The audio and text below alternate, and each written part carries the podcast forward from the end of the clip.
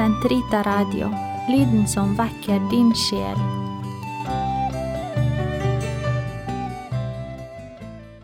Den katolske kirkes katekisme, uke 43, fredag 2357 til 2359. Kyskhet og homoseksualitet. Homoseksualitet betegner forhold mellom menn eller kvinner som føler seksuell tiltrekning utelukkende eller altoverveiende mot personer av samme kjønn. Den gir seg meget forskjellige utslag, betinget av tid og kultur.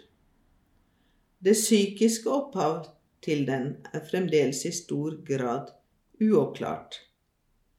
Med støtte i Den hellige skrift, som fremstiller dem som alvorlige utskeielser, har tradisjonen alltid hevdet at homoseksuelle handlinger er i seg selv tøylesløse. De strider mot naturloven. De utelukker den seksuelle handling fra å gi liv. De utgår ikke fra en sann følelsesmessig og seksuelt gjensidig utfyllelse. De kan ikke under noen omstendighet godkjennes. Et ikke ubetydelig antall menn og kvinner viser grunnleggende homoseksuelle tendenser. De velger ikke sin homoseksuelle legning, for de fleste av dem er den en prøvelse.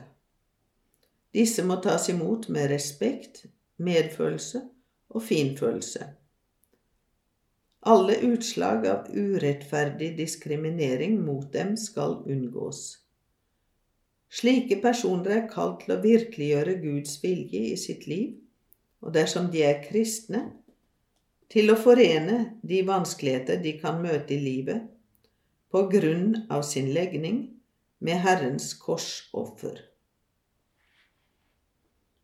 Homoseksuelle mennesker er kalt til kyskhet, ved selvbeherskelsens dyd, som virker oppdragende på den indre frihet, under tiden også støttet av et uegennyttig vennskap, ved bønn og sakramental nåde, kan og skal de gradvis og helhjertet nærme seg kristen fullkommenhet.